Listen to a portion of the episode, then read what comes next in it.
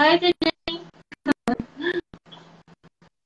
Tuh, suaranya putus-putus tuh dari sana.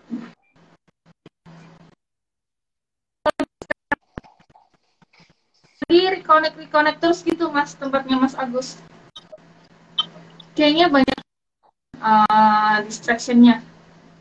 Hmm. Oke, sorry. Oke, sorry. Iya.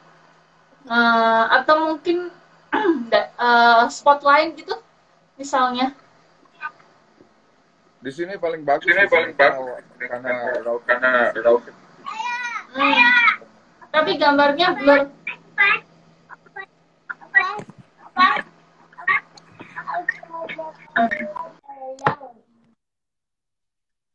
Tuh, sana putus-putus lagi tuh. Hmm.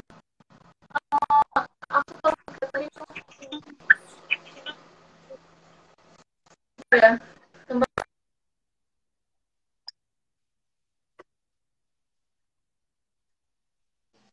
Iya.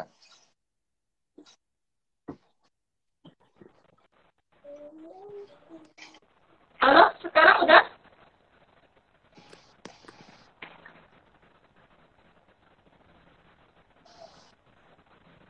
Masih nggak? Sana. sana black.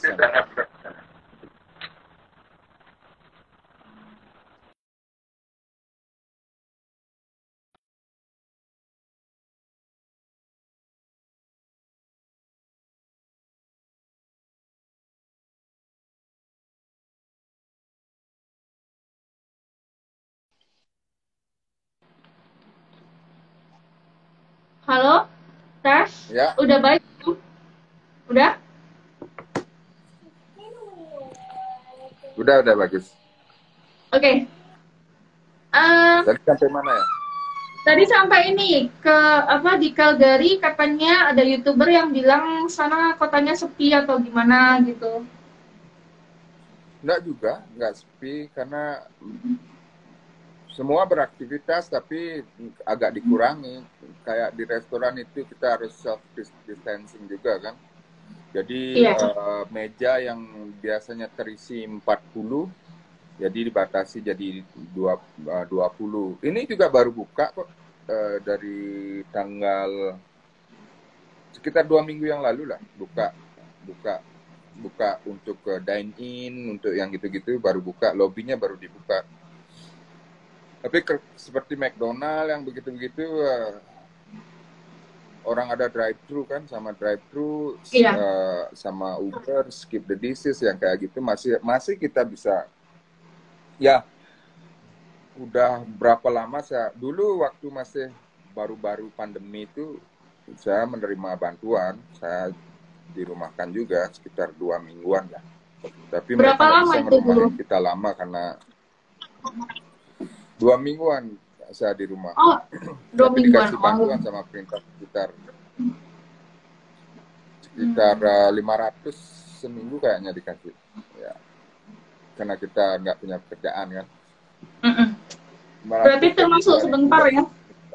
Termasuk sebentar ya kalau sebentar cuma dua karena minggu. kita kita kan esensial kan truck Iya. driver kayak nurse kayak gitu eh, dokter kayak gitu semua esensial kan Iya. jadi kita Hmm. nggak bisa dirumahkan Iya. Kalau em, Mas Agus sendiri nih pribadi Mas Agus nih kenapa pilih stay di Calgary ya? Di, di antara bagian Kanada yang lain itu alasannya ada apa gitu? Calgary saya nggak pernah eh, dari saya pertama eh, injakin kaki ke Kanada cuman Calgary aja cuman Calgary kota Oh. pertama dan bakalan karena comfortable aja di sini karena sudah biasa eh, daerah-daerahnya sudah tahu jalannya sudah tahu jadi saya nggak pingin pindah Udah biasa PW ya? gitu ya jadi eh, Alberta juga eh, minimum wage eh, tertinggi di Iya. Kanada Betul. minimum wage-nya tertinggi, jadi barang-barangnya juga tidak terlalu mahal-mahal.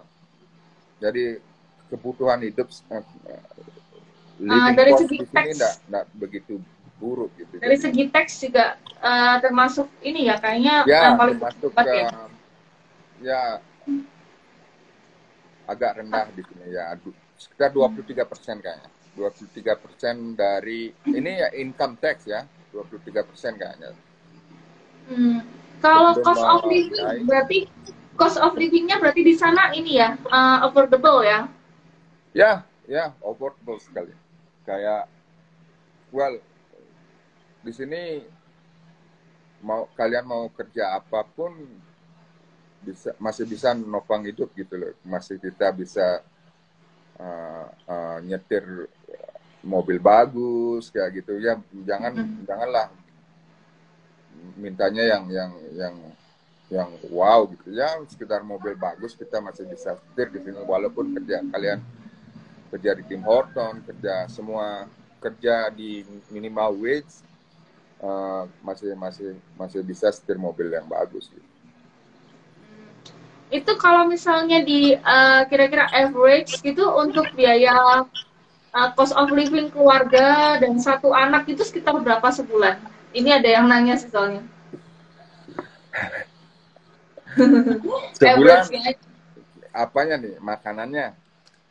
Uh, oh ya kayak rent juga segala macam. Terus uh, suggest di mana kalau uh, untuk rent ya kayak misalnya uh, daerahnya misal Tuscany atau Sunalta lalu pilih apartemen atau rumah gitu better mana Tuscany Tuscany bagus di uh, di sana agak agak agak ke desa-desaan lah sedikit jadi uh, harga rumah dan harga rent di sana lebih murah terus uh, di hmm. Erdri di sana Erdri namanya nih sebelah di Calgary Hmm. Edri juga bagus. Uh, di sana harga rumah dan rent itu agak rendah. Di Okotox, Okotox juga bagus. Uh, ya sama harganya agak rendah dan biaya hidup juga. Tapi uh, makanan barang-barang kayaknya sama. Uh, cuman rentnya aja yang membedakan.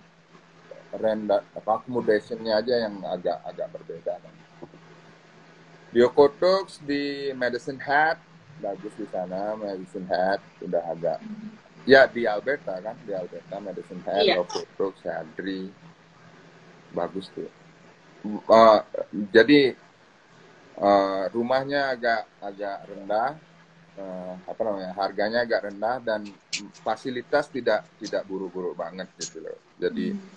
sebuah kota kecil ada ada grocery store-nya pokoknya memadai untuk sebuah kota gitu. Iya. Nggak, nggak kita harus belanja ke Calgary gitu. Di sini nggak ada Walmart, nggak. Semuanya sudah ada di sana dan hmm.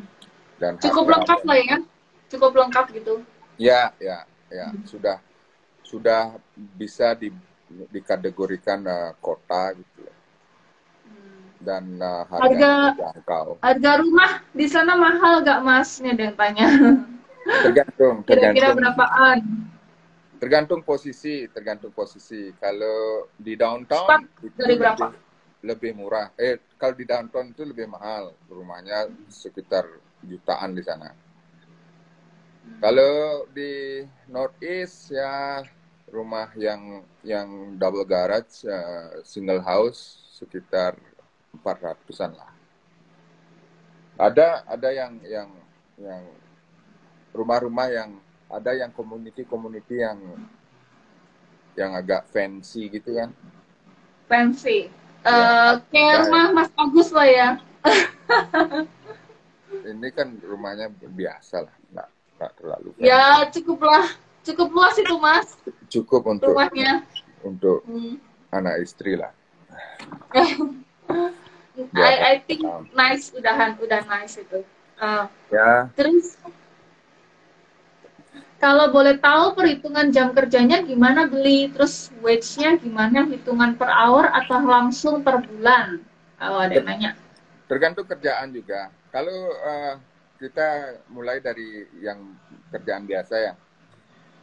Biasanya kalau kalian admin, ada administration like HR uh, atau manager kayak gitu atau apa lagi pokoknya admin sih kan yang ngerjain akuntan dia uh, sistemnya salary. Sistemnya salary jadi tahunan dia. Oke, okay, uh, ada persetujuan waktu interview, waktu mau di waktu mau diterima kerja itu ada oh uh, gajimu 80 setahun gitu itu terus itu dibagi uh, dalam sebulan itu eh, dalam setahun itu dibagi 12 jadi 80 ribu dibagi 12 itulah yang diterima atau dibagi 24 karena kebanyakan perusahaan di sini bayarnya dua minggu sekali kan? Iya. Uh, kalau manual labor kayak kayak kayak uh, orang kerja gudang kayak uh, construction apa lagi. Ya pokoknya yang yang nggak kerja di kantor dia dibayar hourly. Jadi hmm.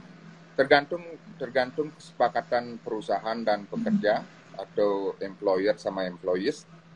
Iya. Biasanya kalau kita lebih kerja dari 8 jam, berapapun uh, untuk contoh kita hari ini kerja 10 jam. Jadi 8 jam itu dibayar reguler karena itu kewajiban kita.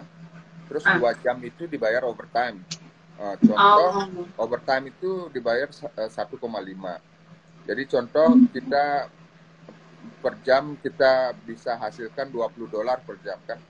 Sesuai dengan apa pekerjaannya juga kan? Sesuai dengan uh, skill atau apa kan? Sebagai contoh kita dibayar 20 per jam. Setelah uh, jam ke-9 dan ke-10 itu tergantung overtime kan? Uh, terbayar overtime. Jadi uh, 20 kali satu setengah jadinya 30 kan. Jadi iya. dua jam yang lebih dari 8 jam itu dibayar 30. Hmm. Gitu. Ada iya. ada juga perusahaan yang bayarnya overtime setelah 40 jam gitu. Jadi di oh. di satuin gitu. Hmm. Nah, setelah 4 accumulate 40 jam hmm. lebih-lebihnya itu baru dibayar uh, overtime atau lembur.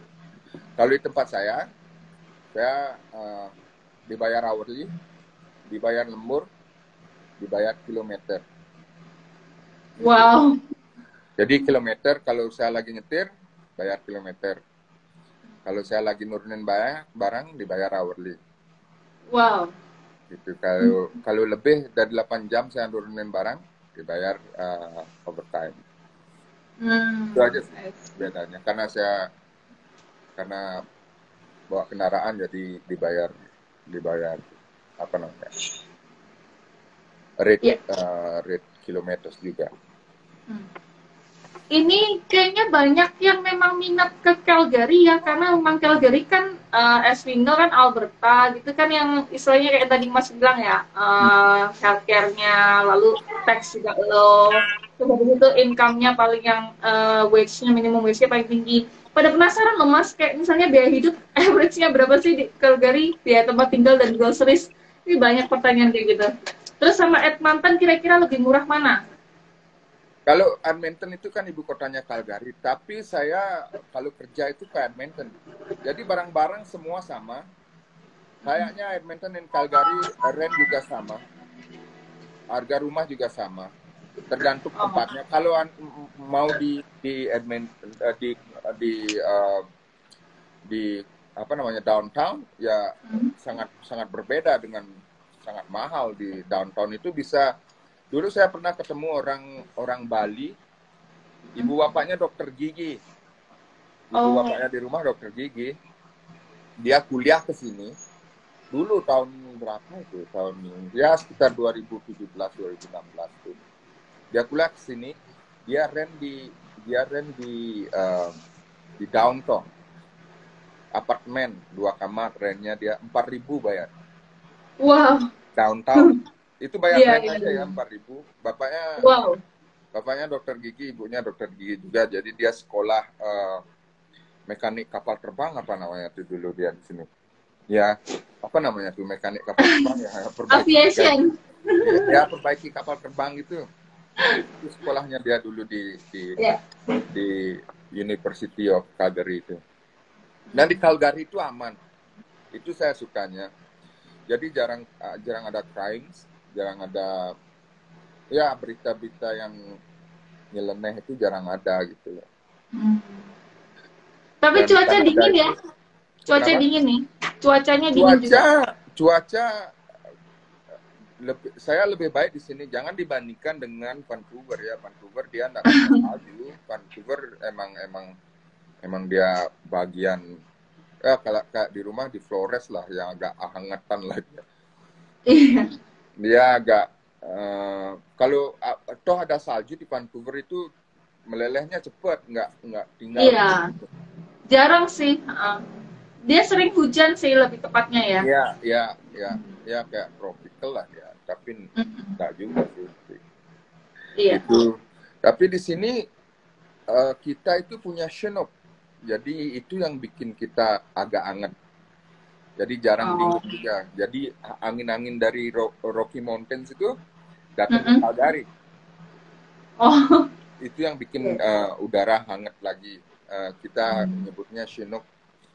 Jadi Chinook, dia, ya. Iya, dia bisa turunin uh, sampai 10 derajat gitu, naikin suhu sampai 10 mm. derajat gitu pernah pengalaman Mas Agus waktu stay di sana bertahun-tahun itu paling dingin berapa derajat Mas? Minus berapa? Uh, minus 40 kali ya. Minus 40. Ya. Minus 40? Minus 40 saya masih kerja di luar loh. Wow. Karena saya saya enggak enggak enggak punya pendidikan gitu, enggak saya enggak enggak sekolah untuk jadi HR. Saya punya punya skill untuk driving gitu ya. Jadi kerja di luar itu udah biasa di minus 40, di minus 45 udah biasa yang begitu. Tapi ya namanya manusia kan tidak kuat juga kan. Iya. Yeah. Tapi harus semua ditutup sih. Pakai slot, pakai daleman. Long john. Itu yang itu harus dilindungi juga nanti biar enggak kering. Apa itu? Iya nanti menge mengecil dia. Apa ya itu ya? ya, ya jangan jangan jangan jangan coba-coba uh, nggak pakai gloves, nggak pakai penutup kuping itu sakit sekali sakit. Iya maafin ya. Sampai sampai tiga hari empat hari nih kayak ke ke pukul palu gitu rasanya kalau ini udah iya. namanya frozen frozen frozen bite apa namanya kalau oh sakit frozen banget kelingking tuh. Tapi pernah sampai mimisan nggak mas? Kalau mimisan saya nggak pernah, nggak pernah, hmm. nggak pernah mimisan. Tapi di summer mimisan saya gitu. Nggak tahu kenapa. Mungkin ada luka dalam mungkin di sini. Tapi di di di winter nggak pernah mimisan saya. Di summer yang hmm. mimisan saya. Tapi paling jauh, Mas paling jauh driving berapa kilo nih? Ada yang tanya nih. Aditya. Oh, kalau saya kalau saya uh, di Martin Brower saya paling jauh ke Sas Prince Albert, Prince Albert, uh, Saskatchewan. Terus uh, hmm. yang paling jauh sih ke Yukon, ke Yukon North Territory. Ke Yukon di sana ada ada start ada McDonald-nya di sana. Iya. Kita bawanya oh, dari iya. Calgary. Ya. Dari McDonald ya ininya kerjasama. Ya lima hari nginep di sana lima dari perjalanan balik balik ke sini sekitar enam harian lah. Cuman Waduh. cuman deliver McDonald tiga aja di sana di Yukon. Wow.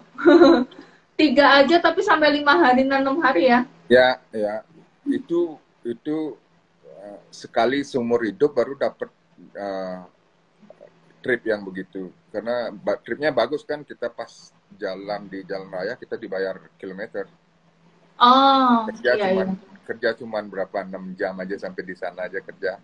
Lagi melanjutkan perjalanan balik ke Calgary hmm. itu kan eh, kalau kalau di tempat saya kan di tempat kerja saya itu unionize. Eh, jadi unionize itu kayak perserikatan buruh gitu. Ya jadi semuanya based on seniority based on seniority itu siapa yang uh, mempunyai uh, paling banyak service service time-nya sama perusahaan itulah yang didahulukan. Jadi tergantung lama lama pengabdian sama perusahaan. Itu itu yang yang mendapatkan apa yang mereka mau. Rana apa mau libur kapan gitu mereka yang duluan dapat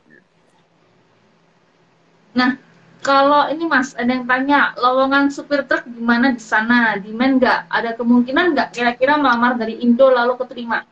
Lowongan, lowongan, lowongan supir truk uh, banyak di sini karena kita, uh, ya kerjaan kita esensial sekali ya.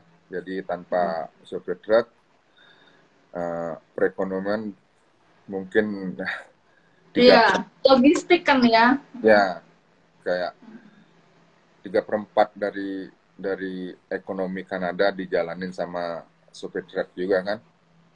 Pekerjaan yang sangat mulia nih mas. Ya. ya. Tapi ya risiko kita di driving di winter kayak gitu. Risiko kita uh, bagi-bagi jalan sama idiots gitu loh sama orang-orang kurang ajar juga kan itu.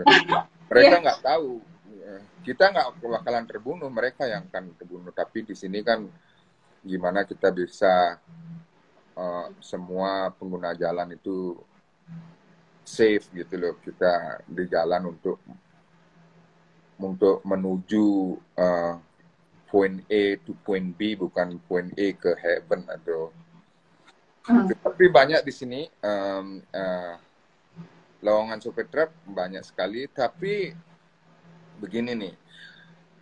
Kalau dari rumah itu nggak ada orang datang ke Kanada itu dia langsung supir truk. Belum pernah saya lihat itu. Uh, karena agent yang saya dengar karena agent itu nggak nggak nggak ada lowongan supir truk gitu. Dia kemungkinan kalau agent itu hospitality lah gitu. Kalau supir truk kalau kalau kalian langsung uh, lamar dari perusahaannya itu bisa bisa uh, tapi kemungkinannya sangat tipis. Kemungkinannya sangat tipis. Dua um, kalau jadi supir truk kita harus sekolah dulu. Uh, jadi bukan sekolah sih namanya uh, kursus lah. Trade uh, apa sih? Ya kursus lah. Gitu kita harus harus mengenal uh, bagaimana jalanan dan bagaimana operasikan uh, American truck juga kan. Yeah. Itu yang bikin halangan sedikit. Jadi sampai di sini dulu uh, ada yang namanya uh, Gordon Food Service. Dulu nih tahun 2012 booming sekali Kanada itu uh, oilnya.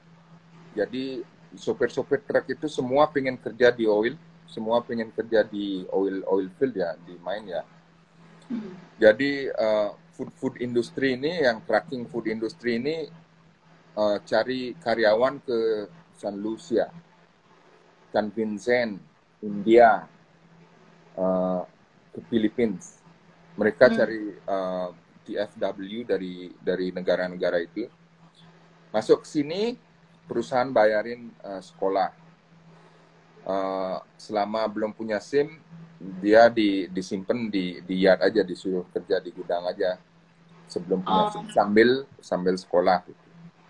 Sekarang karena semua udah down pipeline udah nggak tahu apa di, di mana sudah proses pipeline ini ada rencana pembuatan lain uh, untuk oil and gas lah saya nggak ngerti juga yang gitu Terus uh, setelah 2012 uh, oil down lagi, jadi mereka balik lagi ke food oh, industry kan. Iya, iya. Jadi lowongan-lowongan itu enggak enggak enggak enggak sebanyak dulu ya. Ya, dulu hmm. saya uh, cari SIM-nya kan 2012 juga.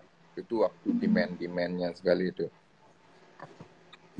Itu bisa, bisa dari rumah itu, tapi itu butuh proses yang lama dan dan kemungkinannya tipis sekali. Uh, tapi kalau mau jadi supir truk, masuk aja dulu Kanada, masuk aja dulu Kanada, uh, entah dari dari dari fast food, entah dari apalah, bisa di Kanada. Setelah di sini baru kita mulai lagi ambil short course gitu kali ya? Ya, ya. Hmm, itu lamanya berapa lama mas short course kayak gitu license license yang untuk uh, driver truck? Untuk sekarang tergantung kalau mau diambil full time mungkin tiga minggu. full time. Mungkin ini saya enggak enggak tahu dulu waktu saya uh, waktu saya 2012 cuma dua minggu. Hmm. Dua minggu tapi full time. Jadi seminggu uh, teori, terus seminggu prakteknya. Biayanya? Du, dulu du, uh, 2012 itu saya bayar 4000 4000 dolar. 4000. Sekarang Udah lama banget. sekarang uh, 10000 Sepuluh ribu hanya Ya. untuk tiga minggu course. Oh, um, bukan tiga minggu, tapi di di di gini di uh, di paper Hmm? 120 jam. 120 jam. Ya, tergantung kalau diambil setiap harinya cuma 4 4 jam, jadi Oh, jadi, jadi kan bebas menurut kita yang ya. set up berapa lama Ya, gitu ya. ya. Yang penting 120 Kita- kita- jam. kita setup setup set. Itu 10 ribu. Wah, Ya, gila. Mahal banget ya. Sepuluh ribu karena ada kejadian dulu uh, orang India itu tabrak tabrak pemain hoki 20, Oh. 20 20 orang meninggal. Jadi semenjak itu dia ketahuan eh, apa namanya eh, apa sih namanya ya pokoknya dialah yang yang yang hancurin ini. Oh. semenjak itu pemerintah harus se- umumin semua sekolah-sekolah tracking itu harus 120 jam jadi Hmm. 120 jam. Dulu sekitar 40 jam apa berapa itu pokoknya? Pokoknya dulu agak rendah.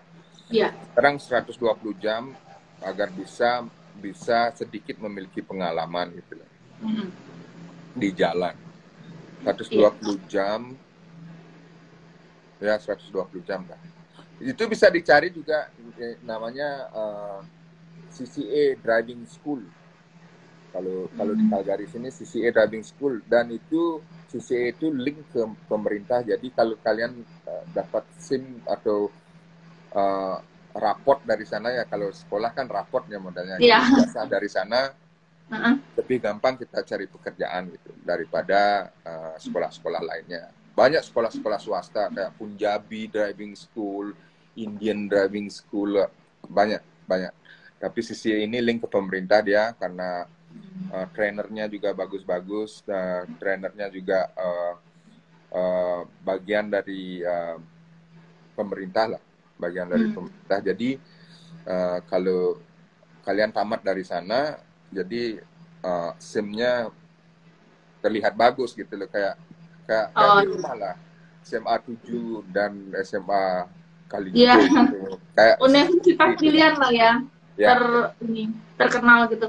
Tapi itu Ya. berarti ada ada ini ya eh, chance maksudnya pasti dapat kerjanya kalau lulusan dari kayak gitu. lebih gampang mencari kerjaan lebih gampang mencari kerja. Kalau tracking itu kita butuh dua tahun experience. Oh, in Canadian roads. Dua tahun Iya. experience. Jadi dua tahun ini kita seperti magang seperti uh, seperti apa namanya apprenticeship. So magang dulu dua iya. tahun ini ya jadi kita nggak akan nemu perusahaan yang bagus Iya. bayaran yang bagus. Kita harus menempuh ilmu ini dulu. Setelah dua dua tahun pengalaman banyak perusahaan yang datang gitu. Banyak perusahaan yang setiap lamar lamar gampang cari uh, diterima gitu. Karena kenapa? Karena kalau kalau jadi uh, uh, company driver jadi nggak nggak truk nggak punya kita sendiri.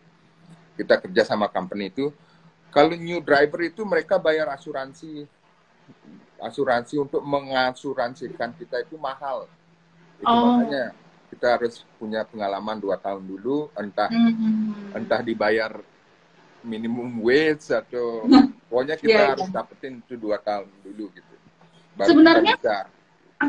iya. Sebenarnya kalau truck driver gitu minimum wage-nya berapa sih mas? Maksudnya rata-rata income-nya kalau start kalau from truck berapa driver bisa sampai berapa gitu? Yang yang yang yang yang perusahaan yang udah udah udah brengsek ya kita bisa dapat 25 per jam Itu buat awal ya? ya buat awal itu kalau Bagus sih. perusahaan kalau perusahaan-perusahaan putih uh, I don't I don't mean to be racist, tapi orang-orang putih maksudnya perusahaan orang-orang Iya. putih itu itu start startnya biasanya 28, 29 Oh, Hourly. Hourly. Kalau uh, perusahaan-perusahaan yang agak brengsek-brengsek begitu, biasanya dia bayar bia- biasanya dia kalau kalau dia uh, delivery driver dia bayar ya sekitar 24 25 lah. Hmm. Dan uh, rate untuk untuk untuk jarak jauhnya juga dia pakai mile biasanya. Kalau Hmm. perusahaan orang-orang kalau perusahaan orang-orang Ya. Kalau yang yang udah senior nih kayak ke Mas Agus gitu bisa sampai berapa ya? Tinggi. Uh, kalau kalau udah punya pengalaman ya sekitar 28 ke 31 lah Oh. awal. Itu Ya. belum termasuk eh, ini lagi tambahan apa-apa lalu tunjangannya belum, ju- belum. cukup banyak ya? Belum. Itu cuman cuman hourly aja, Hmm. hourly aja untuk uh, persetujuan kita masuk itu loh. Oh berapa gaji? Kalau kalau di tempat saya kalau uh, kilometer itu dibayar uh, kalau bawa satu satu kalau bawa satu trailer kita dibayar 0,46 sen. Jadi kalau Per? kita Per 0, kilometer. per kilometer. Jadi Oh. kalau kita di highway itu kan larinya 100 km per jam. Iya. Jadi sejam itu kita bisa dapat 46 dolar lah. Sejam. Wow. Di jalan, di jalan. Kalau kita Iya, lagi iya. turunin barang ya hourly lagi 30. Oh, I see. Kalau kita bawa double, kalau double trailer, kalau lagi di highway, kita dapat 50 57 sen, ya. 57 sen. Jadi kalau Wow. kita di highway ba- ba- bawa double trailer, kita dapat 57 ya sekitar 55 ke 57 dolar lah sejam. Wow. Hmm. Karena highway di sini kan larinya larinya eh, 100 km per jam. Tapi kalau macet, kalau snow ya Hah? kita nggak buat duit. Karena lari 60 kan, lari 60 70 kalau ada snow kan kita hati-hati kan. Iya. Ya sekarang zamannya ya diturun kan. Berkaitan sama snow nih, ada yang tanya nih, pernah nggak pas salju mogok? Gimana tuh bang? Oh pernah, pernah udah saya hampir terlindas terak pernah juga. Waduh. Terus kan di tapi cuman pendek nih. Saya bawa double. Saya belum kerja di di tempat saya yang sekarang. Saya kerja di Strider. Saya bawa double, double trailer yang panjangnya 53 kaki dua. Itu Ya. sekitar 106 106 eh, setelah include include the, the tractor sekitar 130 113 kaki. 113 kaki berapa ya meternya? 113 kaki sekitar 45 meter lah. 40 Wah. ke 42 meter lah. Itu saya naik eh, di atas sudah ada eh, ini pengalaman ya cerita pengalaman. Di atas sudah ada di di puncak jalan naik itu udah ada kecelakaan 40 mobil tabrak-tabrakan gitu karena salju. Tabrakan beruntun ya? Ya ya, Hmm. karena salju dan ais kan. Iya. Terus uh, saya saya baru naik, oh, belum naik, saya udah dengar itu uh, udah tahu ada tabrakan di sana. Heeh. Saya diam di diam di di tempat Tanjakan. Diam sebelum tempat rendah. tanjakan karena saya Oh, iya, iya. tenaga untuk nanjak kan. Hmm. Diam terus highway di ditutup selama 13 jam. Jadi truk saya, truk saya ada tempat tidurnya. Jadi saya tidur Hmm. di highway. Di, setelah dibuka highway-nya masih icy, masih masih salju, masih tebal, masih Licin Nah. ya. ya setelah di atas beres kita boleh jalan kan. Ini Hmm. banyak banyak kendaraan nih. Pas saya jalan semua motong saya. Potong-potong saya nggak punya tenaga untuk jalan macet jadinya dua. eh saya tinggalin truknya karena berjalan sendiri gini dia kan. Aku tinggalin Iya. truknya. Takut kan? Iya. Di atas es gini ya. Wah, aku tinggalin aja truknya biar jengkal lah. Iya, iya. Yang penting aku selamatkan orang masih licin kan. Di rem Uh-uh. juga diam, di rem dia nggak mau diam udah jalan Iya. aja. ngeri banget. Nah terus aku tinggalin truknya aku telepon bos aku butuh aku butuh truk aku butuh uh, mobil derek nih untuk di derek. Itu aja sih yang paling paling gini paling berkesan. Paling ngeri ya? itu paling berkesan. Yang paling menakutkan di Prince Albert dulu. Kenapa itu? hujan uh, black ice. Jadi Waduh. itu nggak terlihat. Lari Iya, 100 lari 103 gila. pas Antum itu jalan langsung truknya kayak ular gitu. tapi Ular belum sempat tapi belum sempat jungkal juga. Aduh, Gitu ngeri ya. Hmm, high risk Oke, ya kalau kerjaanmu pastinya. Ah, Ya, ada yang tanya mas, lah. driver ada yang cewek nggak? Apa? Driver banyak banyak. Ada yang cewek? Ya, Oh ya? ya banyak. Dia biasanya long hauler. Long hauler itu eh, angkutan panjang apa namanya? Trip panjang dia biasanya ke US gitu dia. Hmm, Cantik-cantik seksi-seksi lagi. waduh. Banyak banyak. Oke, Banyak. berarti yang cewek-cewek yang mau yang mau apply as truck driver bisa ya? Oh bisa lah, bisa. Di sini kita equal gitu. Iya, nggak ada gender ya? Oke. Iya, di sini aku- di sini aja istriku nggak bisa nggak harus masak, aku yang masak. Jadi Ah, iya. equal di sini gitu loh. Masaknya sambel-sambel mulu juga.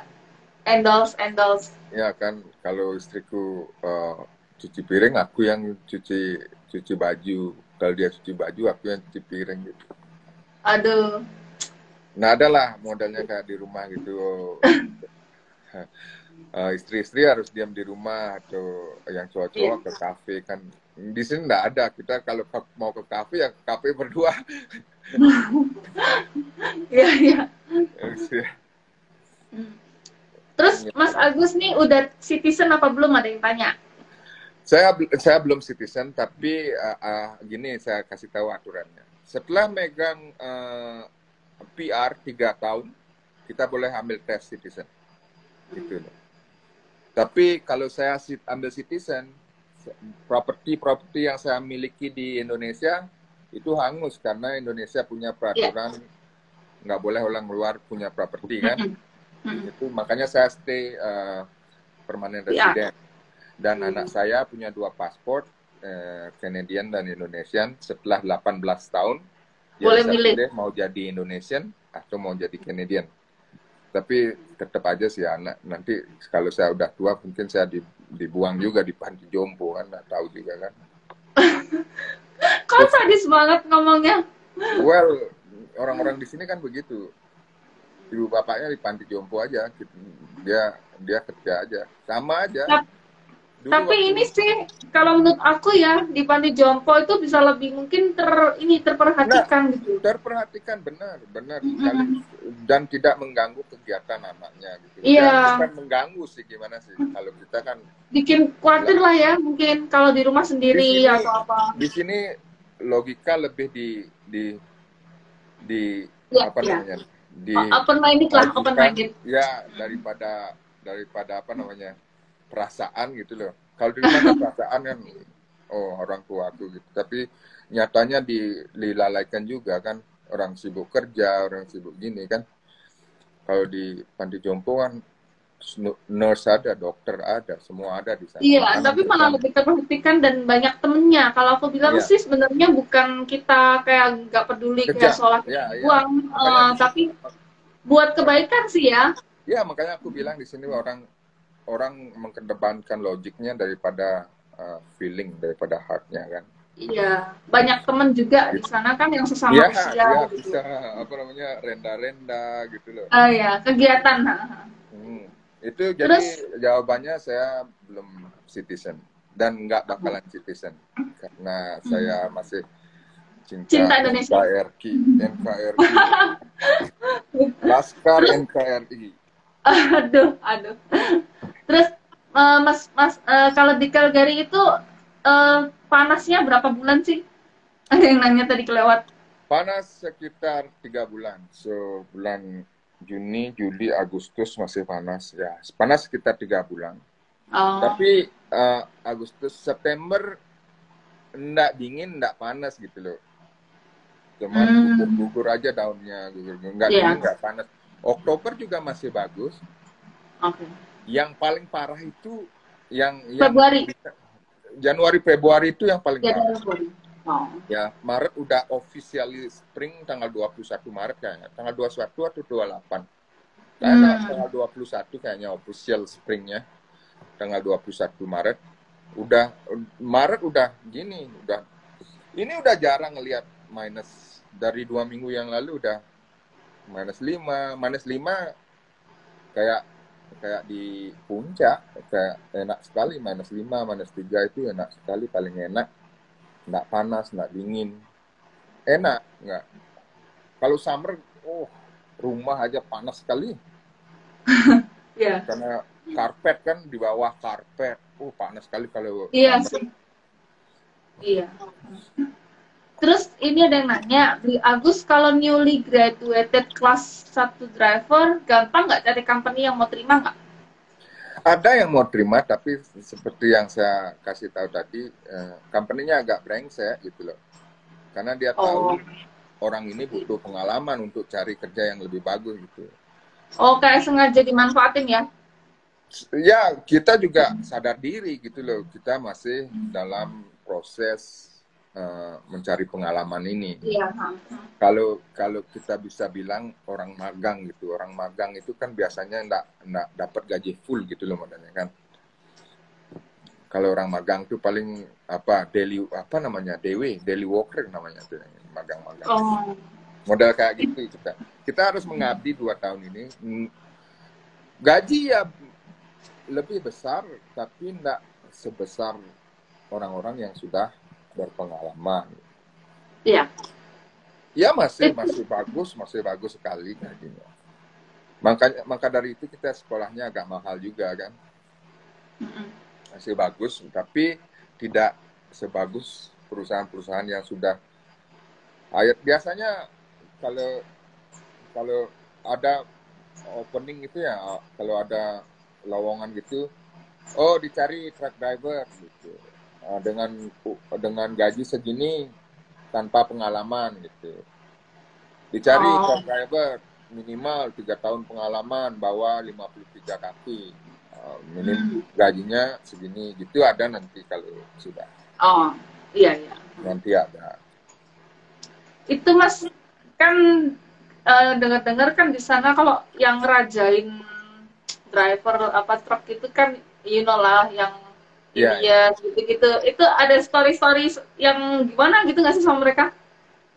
ya India itu orangnya pinter-pinter ya.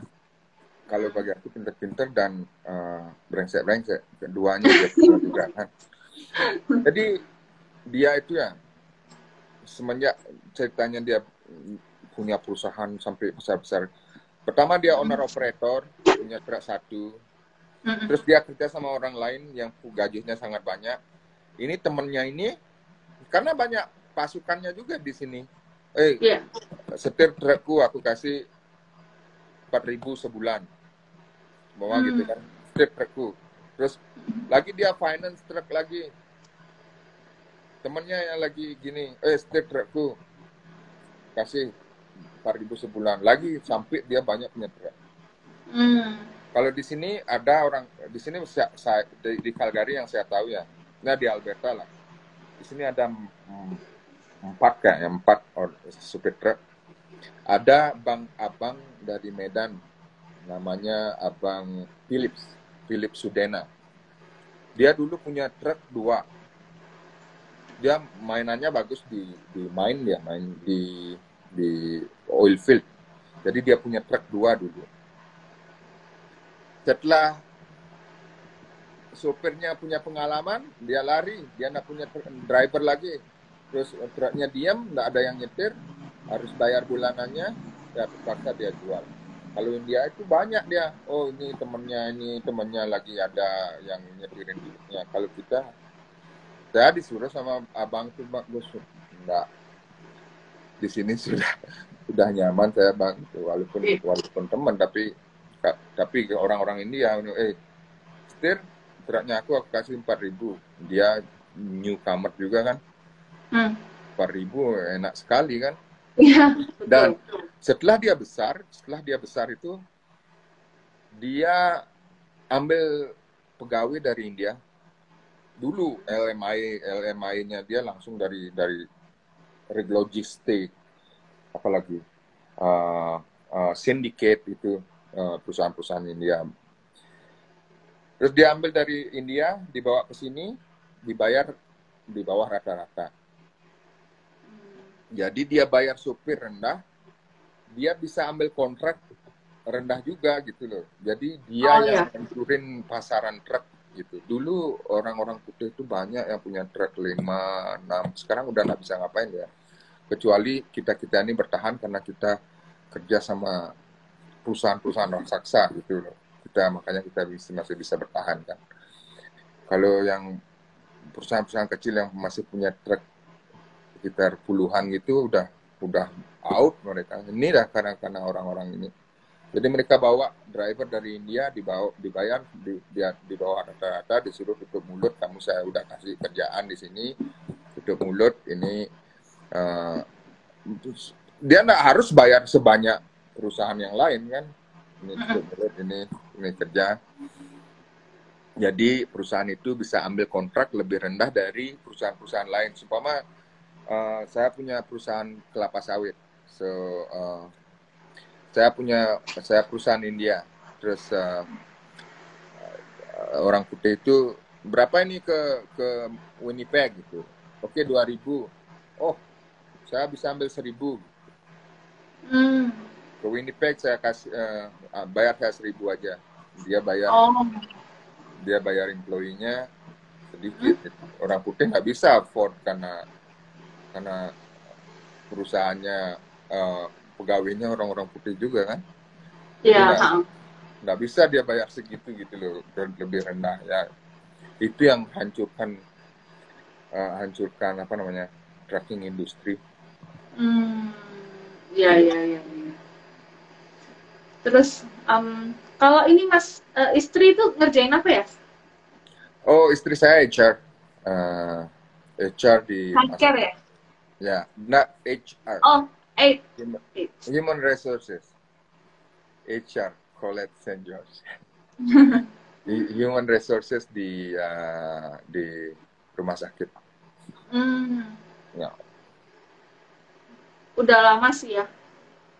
udah lama udah udah Pak, dia sekolah empat, empat tahun how long you have to take the school sayang four years to be HR four years empat tahun tapi eh, dia enggak enggak bisa bikin duit se sama duit saya kalah jauh Ah. duit. biar dia empat tahun sekolah biar aku enggak pernah sekolah tapi kalau ngasih duit Iya, iya. iya. Eh, apa namanya? Itu nggak sih? Tapi dia eh, enaknya itu di di di tempatnya di di oh iya. Main iya. komputer aja AC mau pemanas itu kan gampang. Kalau aku di jalan udah salju, udah dingin, ya of course lah aku dibayar lebih. Iya. Ada kepikiran nggak sih Mas mau ganti profesi gitu? Oh, kayaknya enggak sih. Aku udah tua juga kan, udah udah males juga sih. Dulu pernah aku mau jadi uh, welder dulu. tapi sekarang udah udah enggak kayaknya udah enjoy di sini gitu udah zona nyaman udah enak lah Tapi kan di jalan kayak gitu berhari-hari gitu bosen kan ya kadang ya. tergantung fashion juga sih kalau di summer ya agak bosen kalau di di eh kalau di winter agak bosen ya tapi kalau di di summer bagus.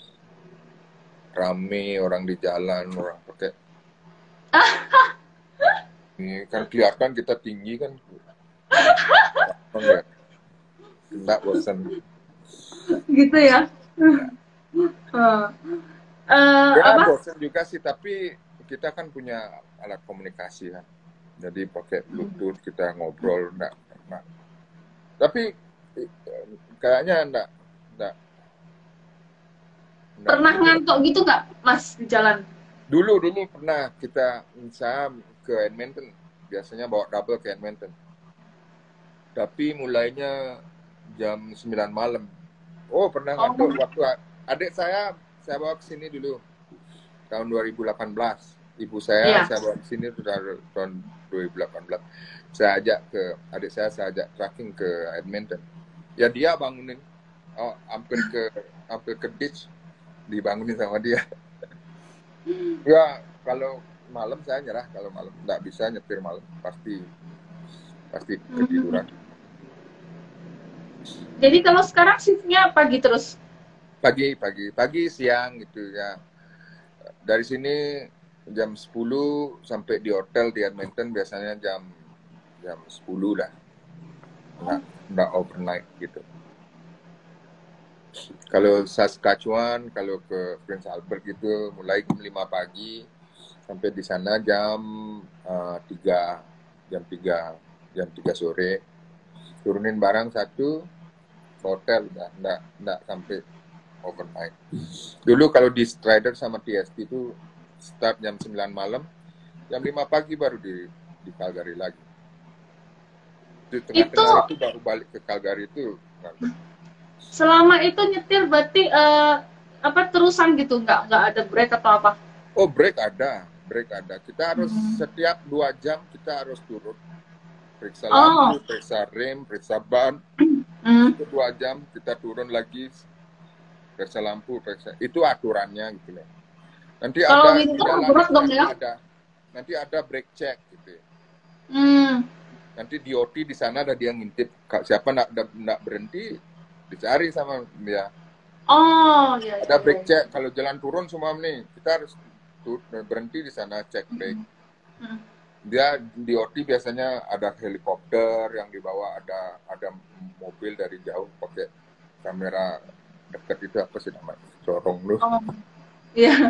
Kalau nak Oh. berhenti ya di, di dicari dikasih tiket. Itu kena berbahaya, denda. kan. Kalau Kalau misalnya nggak kita misalnya nggak ngelakuin itu kenapa mas? Kena ada Dikasih fine gitu apa nggak? ya di fine dikasih tiket. Hmm.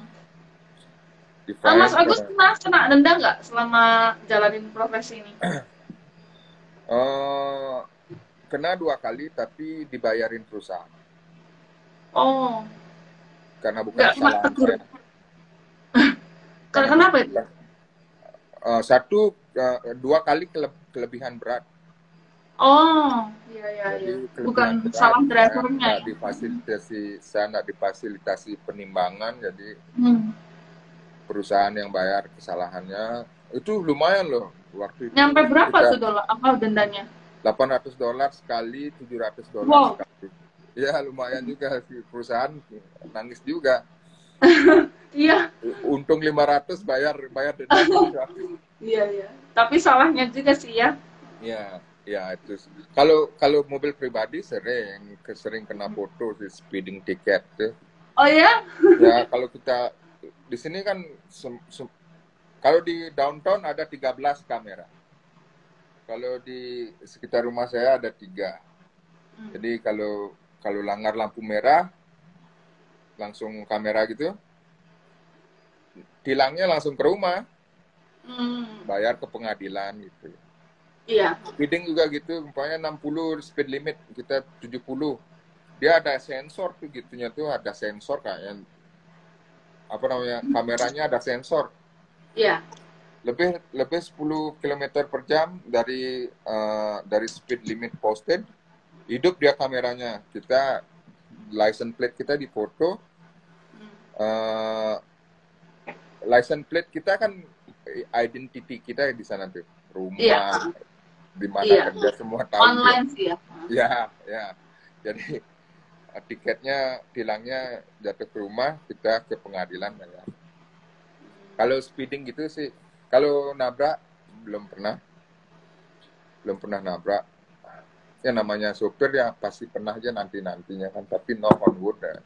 belum pernah sih semoga tetap selamat kan Mas, kalau selama di Calgary ikut suka ikut community Indo gitu nggak?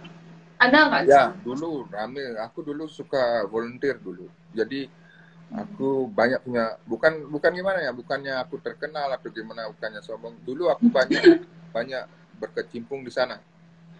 Jadi Hmm. untuk masang-masang mau ada acara gitu. Jadi banyak orang tahu aku gitu. Aku juga Oh. tahu banyak orang juga kan. Oh Agus ini yang masang nih gitu modalnya. Oh ini Agus yang nyapuin nih gitu. Iya, iya, iya. ya ini Agus yang Pas mau ada event gitu ya?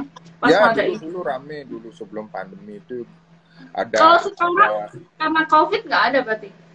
nggak ada dulu ada ada apa namanya ada pasar minggu wah pokoknya banyak ada yang jualan makanan kita beli beli dulu aku pernah jualan sate lilit juga Oh ya?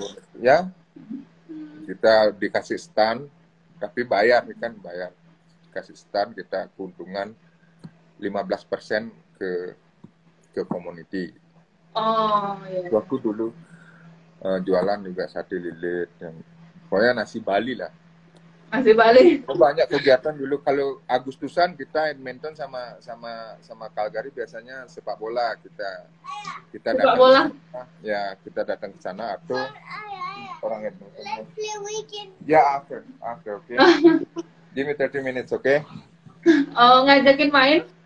ya main Wii udah Eh, dia se- dia sekarang sekolahnya kayak gimana? Online? belum sekolah dia tapi Belum ya? Ya kalau di daycare dia cuman di daycare aja nanti Oh, di daycare aja. Prof. Tapi masih di daycare. masih manja sekali pakai pampers saja masih nggak mau dia kalau dia nggak dipakein gitu nggak mau dia nggak mau pipis nggak mau beol dia nggak mau ditahan sama dia Ini Wah, daycare walaupun COVID gitu gimana sih daycare waktu COVID? daycare masih buka daycare masih buka Oh. Itu fee-nya berapaan ya? Ini buat yang misalnya punya uh, anak 900. kecil. ya? 900 sebulan Oh, itu Itu per harinya berapa jam? Eh, 8 8 sampai 10 jam Oh, ya ya sesuai waktu orang kerja ya. ya Hmm. ya itu 900 full time Hmm. Eh, kalau part time 600 kayak Kalau Part time itu berapa jam ya? Ya tergantung sih sama sama sama yang punya daycare Oh. Kalau yang di iklan sini- ini udah udah langganan berarti dari dia kecil ya? Oh dari dia kecil udah di daycare dulu punya orang bukan Oh. daycare sih namanya day home day home Day home. Hmm. ya itu ada orang Meksiko bagus itu sampai dia bisa ngitung sampai dia bisa sekarang ada sini day home-nya nggak terlalu bagus nggak terlalu peduli ya Ah. Nggak bisa nggak seperti yang dulu Oh. di sini ada Ini sekarang tapi umur berapa sih? Persisnya dia umur berapa? Eh, Oktober tahun ini empat berarti Oh. tiga tiga tiga Tiga tahun tiga ya? jongkok ya Hmm. ya tiga jongkok Hmm. tiga jalan Harusnya sih udah nursery ya. Kalau iya nggak udah ya. ini manja sekali dia kalau nggak dipakein pampers dia nggak mau pipis nggak mau beol Aduh, repot nih. aja. Papanya suruh beli pampers terus. iya nggak maksudnya lambat sekali gininya dia gitu Hmm. karena karena manja sih Tapi di daycare nggak pernah ada masalah ya? nggak nggak pernah ada masalah. kalau masalah penjara mereka Iya, di sini daycare-nya di sini sama ini sih tetap. aku aja kalau mukul dia umpamanya kalau kalau aku dulu sama uh, bapak kan keras bapak kan mukul-mukul gitu kan. Ya orang Kalau di sini Indonesia mukul- dilaporin sama tetangga ya penjara aku. Anak diambil ya? Ya, anaknya bisa diambil juga tapi itu uh, apa namanya uh, solusi terakhir lah modelnya itu. Hmm. kalau dua orang tuanya udah pemabuk pemadat nggak diambil lah anaknya. Oh. ya ini kalau mukul gitu penjara walaupun Iya, anak iya. sendiri kan Iya betul. Pernah dengar juga sih kasus kayak gitu. Ya, makanya manusia di sini dimanusiakan sekali gitu. Iya. Oh ini tinggal berapa detik nih berakhir. Kayaknya eh, mungkin habis itu udah dulu kali ya. Nih Ya. habis ini si Deklan mau ajak main kan? Ya,